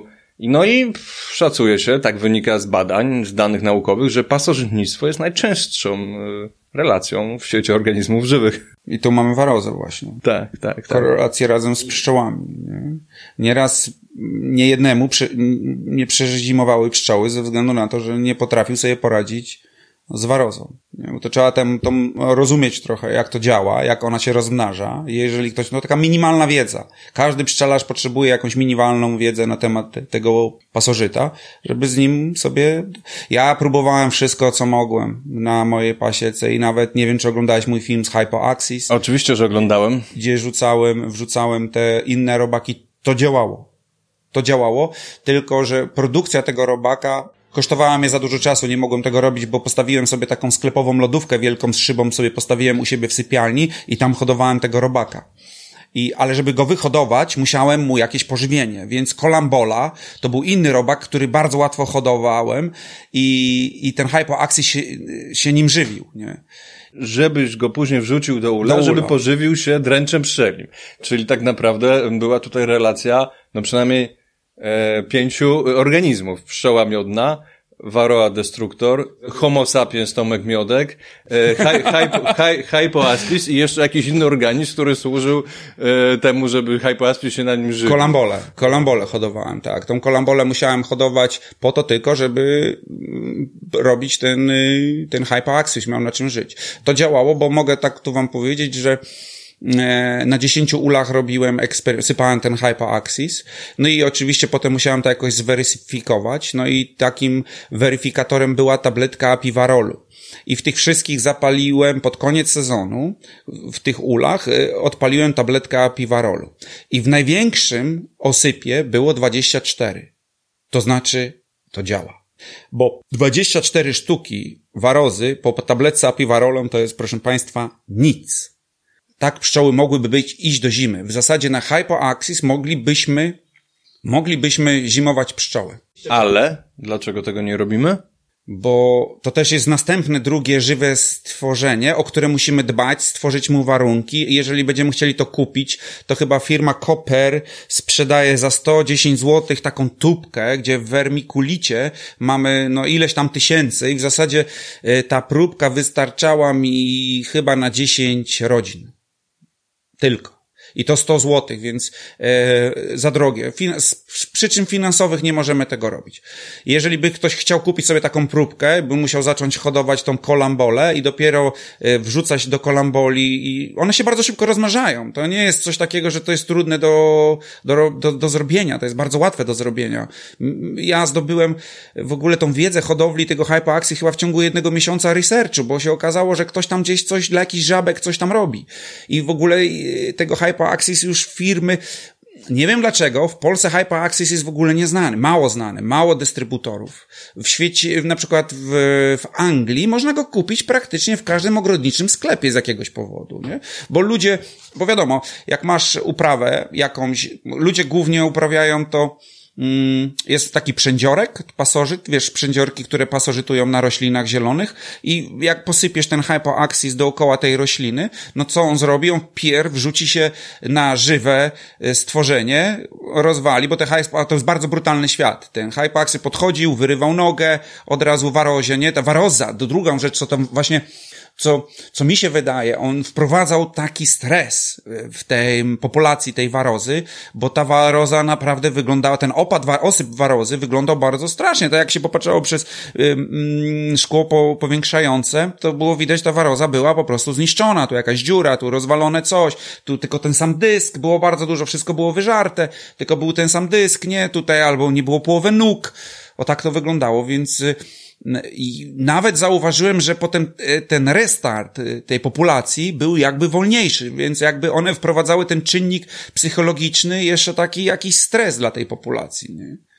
A czy próbowałeś jakieś linie, e, które mają, linie użytkowe, ale pewne cechy... Mm, Higieniczne. No, albo inne cechy, które mm, powodują, że są mm, no, lepsze dla mają pewne zachowania, pewne zachowania, które przeciwdziałają warozie. Po prostu jakoś niszczą tą warozę. No, znamy kilka takich cech. No tak, znamy to z teorii. Dużo ludzi na to o tym pisze. Koresponduje z kilkoma ludźmi, którzy, pszczelarzami, którzy y, już twierdzili, że mają taką pszczołę, no ale po 12 latach taki najpopularniejszy to ten właśnie gościu e, ze Szwecji, on chyba tego Elgona wprowadził. 12 lat gościu opisywał, to już było niby pewne i pasieka nie, przeży, nie przezimowała, bo waroza. Więc e, ja nie znam przypadków na pszczole hodowlanej, przy, przy selekcji nie wiem jak higienicznej, że tam pszczoła się sama oczyszcza i tak dalej, tam jest jeszcze inny czynnik, że jak ta waroza spadnie, co z tego, że mamy higieniczną, tak, że ona się oczyszcza, a jak ona spadnie, ona wejdzie z powrotem. Musielibyśmy cały czas mieć jakiś tak zwany klejącą e, płytę na dole, gdzie ta waroza by spadała i tam została. To by była dodatkowa jeszcze praca. Może i można by było to zrobić. Nie wiem, yy, czy się tym interesowałeś, ale bardzo dużo ludzie używali kwasów, na kwasku cytrynowego, Coca-Colą, ktoś, no to wszystko działa. Tak? Tak uważasz, że to działa? Są jakieś badania naukowe, które to Nie, nie, nie, nie, nie, ale y, jest proste działanie, które możemy zrobić nawet dzisiaj. To będzie wyglądało tak, że po, wsadzimy płytę metalową, ja mam takie płyty, weźmę, wezmę szklankę z olejem, tak, zamorzę, zamorzę trochę pędzlem i posmaruję pędzlem tym olejem i odpalimy na przykład zwykły podkurzacz, czy tam z wrotyczem, czy z czymś i ta waroza będzie leżała. Ale to będą małe, to nie będzie 100% populacji. 100% to jest oczywiście taką utopią, ale nie będzie nawet y, no 90%, tak? Nie, nie wierzę w to, bo nie widziałem jeszcze takiego czegoś, a interesuję się tym dosyć, bo bym chciał mieć taką pszczołę, która by sobie dawała sama radę razem, oprócz pszczoły dzikiej. Oprócz pszczoły dzikiej. No to może Tomek Miodek w przyszłości, jak już dorośnie do hodowli, będzie selekcjonował na cechy odporności. Może, może. Nawet ze względów komercyjnych jest to chyba potencjalne warte grzechu. Znam wielu śmiałków, którym się nie powiodło. Dlaczego miałoby mi się powieść? Spróbuję, ale no. nie, nie, nie bądźmy optymistyczni. A jeżeli chodzi o warozę, to próbowałem różnych e, sił i zostałem przy starym. Po la wielu latach prób, jak rozumiem, Tomek Miodek wrócił do starego, poczciwego apiwarolu. Tak można powiedzieć. Właśnie, co sądzisz na temat tego środka? Dlatego, że w internecie, który jest pełen różnych informacji wzajemnie sprzecznych, pełen informacji sensacyjnych, nie ukrywajmy spiskowych, e, no można przeczytać wiele negatywnych. Rzeczy o apiwarolu. Amitraza. Higiena pracy z apiwarolem też jest bardzo ważna. Zacznijmy po prostu od pszczelarzy, bo to już nie chodzi o ten miód, który w tym momencie, co powiem. Jeżeli idziemy pracować z apiwarolem, co, o czym musimy pamiętać? Zawsze wybieramy dzień wietrzny, gdzie jest jakiś podmuch wiatru i idziemy pod wiatr. Nigdy nie idziemy z wiatrem, bo największy wpływ, ten, jak przeczytamy na tym apiwarolu, on ma tylko miesiąc karencji, ten tak zwany tik-tak, w którym jest amitraza, to też po otwarciu możesz już miesiąc czasu, chyba tylko czy trzy miesiące tam pisze nawet, on już, ta substancja nie działa. Bardzo ważnym rzeczą jest to, że w momencie, jeżeli usuwamy, używamy już te substancje, żeby miodnie były poza. Robimy to, w, zabieramy miód, zabieramy nasze miodnie i podajemy te substancje. Wiadomo, e, plaster pszczeli to jest tłuszcz, nie? Wosk pszczeli jest to takim gęstym tłuszczem i rzekomo jakieś pozostałości tych substancji czyn, czynnych pozostają e, w tym, e, w tym wosku, później pszczoły to nalewają do tego miód. Musimy dbać o to, żeby nasze miodnie nigdy nie były używane w czasie, jak podajemy pestycydy do uli, bo to jest jakaś pomyłka, jeżeli ktoś tak robi. Bo i też słyszałem, tu trzeba powiedzieć, o pszczelarzach, którzy na przykład odpalił tabletkę przed wywozem pszczół na wrzos z jakiegoś powodu, nie? I się mi chwalił, że on odpalił tabletkę wrzos, y, apiwarolu i zawiózł pszczoły na wrzos. To znaczy co? Miał te korpusy, no i w takich przypadkach może do tego może dojść. Mogą być pozostałości pestycydów w miodzie, ale to są jakieś skrajne przypadki. Musimy kupować miód od pszczelarzy, którzy... Musimy po prostu zadawać im te pytania. Ja zauważyłem, że ostatnimi czasy, laty, moi klienci miodowi są bardzo obcykani, jeżeli chodzi o informacje, bo dostęp do tej wiedzy jest bardzo duży i ludzie bardzo łatwo yy, zgarniają te informacje. Nie? To, co ja robię, ja wymyśl, dlaczego powstała ramka osiemnastka? Nie wiem, bo ja jestem e, uważany, że, tą, że ja rozpropagowałem tą ramkę osiemnastkę. Ale u mnie to było tak, jak ja miałem pierwszą pasiekę, ja pracowałem na ramce 26, ramce wielkopolskiej. To jest taka normalna ramka standardowa, która występuje chyba w 80% pasiek tutaj w Polsce. I, I ja właśnie, żeby uniknąć, żeby się nigdy nie rąbnąć, żeby to było niemożliwe, nie to, że wiesz, bo tam nieraz, a mam tą ramkę, dobra, wrzucił tą ramkę do tej miodni. Wymyśliłem tą osiemnastkę i te osiemnastki były najpierw moimi miodnami, miodniami tylko. I oczywiście miałem tą pewność, że jak daję, podawałem pestycydy do ula, to nigdy w obecności plastrów z moich nadstawek. Później oczywiście życie zweryfikowało, bo było bardzo trudno takim ulem, tu masz 18, tu masz 26, to po prostu się nie dodaje, to, dlatego tamta ramka jedna, druga ma 13 i dwie takie ramki masz 26 i łatwiej ci pracować. I z, zrobiłem ten ul 18, tą kamiotka, oczywiście z tym założeniem, że dbam o to, zawsze dbam o to, że nigdy w obecności korpusów miodowych nie podaję amitrazy. Jest to ostatnia czynność, którą robimy w momencie, jak karmimy, Staram się odpalić jedną tabletkę przed, bo ta pierwsza tabletka może być bardzo dużo warozy, może spaść nawet do 300 osobników lekko. Tego się nie liczy, bo to już widzisz, że jest za duże, żeby to policzyć. I wtedy dopiero zaczynam karmić, bo mam pewność, że zabiłem tą y, warozę, no nie w 100%, ale w duży, zredukowałem tych osobników, y, te osobniki, które były ulowe. Oczywiście zostało mi bardzo dużo w czerwiu. No i tak pomału, pomału zaczynam to po prostu usuwać z moich, y, redukować. Usunąć to jest duże słowo. My tylko redukujemy, bo w zasadzie zawsze coś tam spadnie.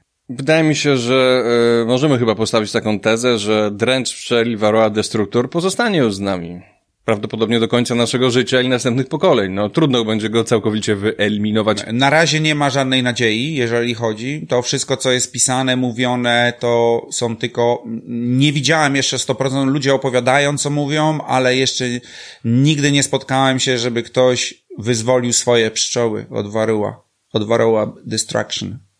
Nigdy. Nie znam kogoś takiego. A od kiedy się pojawiła waroza w Polsce?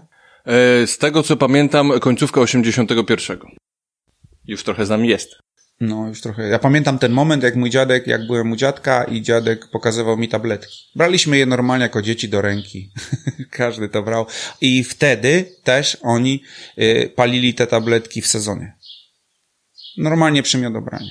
Bo te pierwsze tabletki apiwarolu, jak ci ludzie nie wiedzieli, jak to używać. Pamiętam, był mm, mojego kuzyna dziadek, Żeluk, to jest stary pszczelarz, miał, pracował chyba na Dadancie całe życie, pracował, bo miałeś też pytanie o tej emeryturze, on pracował do samego końca, Żeluk, stary Żeluk i on przyniósł te tabletki i oni oglądali te tabletki. Pamiętam to jak dzisiaj. Mi się wydawało, że ja byłem młodszy, żeby to byłem poniżej, bo to z tego wynika, jak ty mówisz, że ja miałem 11 lat. Mi się wydawało, że ja gdzieś miałem 7-8 lat, nie?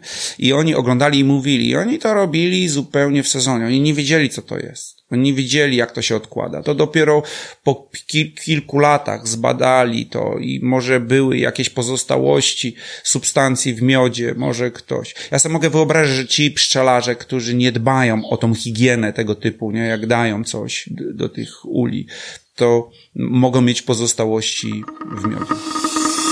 Radio Barroza. Co Tomek Miodek robi, kiedy nie zajmuje się pszczelarstwem, kiedy y, ma czas wolny? O. A w sezonie e, pszczelim e, czasu wolnego jest bardzo mało, praktycznie wcale, ale jeżeli wieje wiatr, a ja od 3-4 lat identyfikuję się jako surfer, że jestem surferem, podoba mi się to, lubię to środowisko, no i lubię sam surfing, wiadomo. Jak tylko jest wiatr, zawsze staram się tak ustawić pracę u siebie, żeby na te dwie godzinki wyskoczyć. W wolnym czasie, bo jeżeli jako pszczelarze musimy wiedzieć, jeżeli ktoś postanowi zostać pszczelarzem, to też są duży benefit jest tego, bo wakacje mogą się okazać dłuższe na przykład niż trzy miesiące, nie? I na przykład w azjatyckie kraje są one bardzo atrakcyjne cenowo i bardzo fajnie tam pojechać sobie i spędzić sobie zimę. Można tak robić. Oczywiście ci, co mają dzieci i nie mogą tego zrobić, no bo dzieci muszą chodzić do szkoły, nie może wyjechać. Ale jeżeli chodzi o mnie, to ja w swoim wolnym czasie, jak tylko mogę, lecę nad morzem, bo mieszkam tutaj nad morzem, lecę na, na surfa, a zimą, jak tylko mogę, to wyjeżdżam na najdłużej jak mogę, zazwyczaj to są trzy miesiące i siedzę w ciepłych krajach i surfuję. I zdarzy się, że zatęsknisz za pszczołami? Tak, ale to, to jest raczej chyba negatywne, bo właśnie potem zapominam o tym pocie, o, o tych żądłach, o, o klientach, o tych telefonach od klientów, które cały czas są kontynuowane, trzeba z nimi rozmawiać. I jakoś się wraca do tego, się tęskni z powrotem do tego i nie wiem dlaczego wracam do tych pszczół z takim optymizmem, tylko po to, żeby po miesiącu czy dwóch tego sezonu mówię, o nie, to ostatni sezon, ale ta przerwa potem i znowu robię to samo. Tak się kręci. I tak się kręci życie Sam pszczelarza. powiedziałeś, że zostaniesz z nimi prawdopodobnie do końca. No tak, tak. Także coś jest w tym gatunku. Dzisiaj odwiedzasz mnie, jesteśmy w środku sezonu, praca jest ciężka, jest gorąco, poci- pocimy się będąc w cieniu, nie? I teraz sobie wyobraź, jak jeszcze pojedziemy dzisiaj do pszczół, będziemy robić, to chyba będzie. To co drugi odcinek z Radio Waroza, może zimą? Na Filipinach. Why not? To by było, co? Pod, y, może pod Apis dorsatą, jakimś rojem. Barroza. Mam teraz takiego małego plana, bo pojechałem teraz na nową miejscówkę, mieszkam na Kuju Island, tam wynająłem sobie dom na mm, 6 miesięcy, cały czas go opłacam. Koronawirus trochę mi zepsuł plany, bo nie wiadomo, co będzie z tymi wakacjami, bo wiadomo, nie jesteśmy, nic nie możemy tutaj zrobić, ale yy, jeżeli chodzi o melipony, nie wiem, czy wiesz, jakie to, które to są melipony. Tak wiedzą, ale no, możesz powiedzieć moim słuchaczom. A to jest taka pszczoła, która y, przypomina mi mrówkę ze skrzydełkami. Jest to bardzo mizerny producent miodu, ale jednak jest producentem miodu. Jest niewymagająca, nie ma warozy. E, Tego miodu to może szklankę na miesiąc potrafią zrobić, albo pół, pół szklanki na miodu, ale miód z melipon ma swoją, e, ma swoich po prostu e, sw- sw- swoich ludzi, odbiorców, bo to jest bardzo dobry miód. One go robią w bambusowym, można trzymać go w bambusowym i mam taki bambusowy kijek, w którym właśnie latają bambuso, y, te melipony. Kupiłem go za 100 peso, y, może to odpowiada 8 polskich złotych.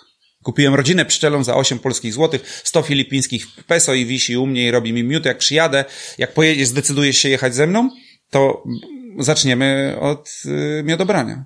Okej, i tym pozytywnym e, akcentem zakończmy. Czy masz jeszcze e, mm, jakieś e, ciekawe przesłanie dla moich słuchaczy? Możesz powiedzieć na dowolny temat na koniec. Najważniejszym przesłaniem, jeżeli jesteś młodym pszczelarzem i starym też, bo znam wielu starych, którzy nie posadziło drzewa, bo jak ludzie myślą, że są za starzy, bardzo często ich wymówką jest on za stary, on już nie posadzi drzewa. Jak tylko, jak masz wystarczająco tyle sił, żeby wziąć łopatę do ręki i wykopać dół i wsadzić tam drzewko, to wystarczy. Nic więcej nie potrzeba. Nie jesteś za stary. Sadźmy drzewa miododajne. To jest najważniejszy punkt w pszczelarstwie teraz, bo wszystkie inne rzeczy, organizacja, choroby, dotacje, jesteśmy w stanie sobie sami zorganizować między ludźmi. Ale pożytków nie. Tym bardziej, że to jest jakby dłuższy proces. Bo drzewa, ja wam pokażę tutaj drzewa, które mają 11 po 12 lat, ja już z nich, ja już je wykorzystuję, one już, na nich jest pełno pszczół. Tutaj ta lipa, która z tyłu stoi za tą ścianą, za którą siedzisz, ona jest w tej chwili już oblatywana bardzo mocno przez pszczoły. I sadźmy drzewa miododajne. W zasadzie to powinno być jakoś obowiązkowe, to powinno być w planie hodowlanym pasieki. To nie wiem dlaczego my to jakoś rozdzieliliśmy. To, to jest najważniejsze, bo bez tej łąki resztę wszystko sobie zrobimy. Ale jak nie będziemy mieli pożytków, kaplica. Dzięki Ci Tomku za wywiad. Do następnego razu. Ciao, bye bye. Dziękuję za wysłuchanie tego odcinka. Zajrzyj na stronę www.waroza.pl. Tam, poza opisami i ilustracjami odcinków podcastu, artykułami i wpisami na bloga, znajdziesz przydatne linki do słuchania i subskrypcji podcastu w aplikacjach strumieniowych. Jeżeli spodobał się Tobie ten odcinek, to proszę, wystaw pozytywną opinię i komentarz, polub, daj łapkę w górę czy suba, a nawet udostępnij go w mediach społecznościowych. Dzięki temu dowiedzą się o nim inni, ale mi też dasz większą motywację, aby podcast trwał i rozwijał się dalej. Podziękowaniu możesz postawić mi dobrą kawę, piwo lub czekoladę. Jeżeli podoba się Tobie ten podcast generalnie i chcesz przyczynić się do jego regularnego rozwoju, możesz wspierać mnie comiesięczną małą wpłatą, na przykład przez portal Patronite, ale nie tylko. Jeżeli nie chcesz być wymieniona lub wymieniony w podziękowaniu, to zaznacz opcję anonimowo. Linki do konta wpłat oraz wsparcia znajdują się po prawej na stronie www.waroza.pl. Tak czy owak, podcast zawsze dla wszystkich pozostanie darmowy. Wkrótce następny odcinek. Radio Barroza.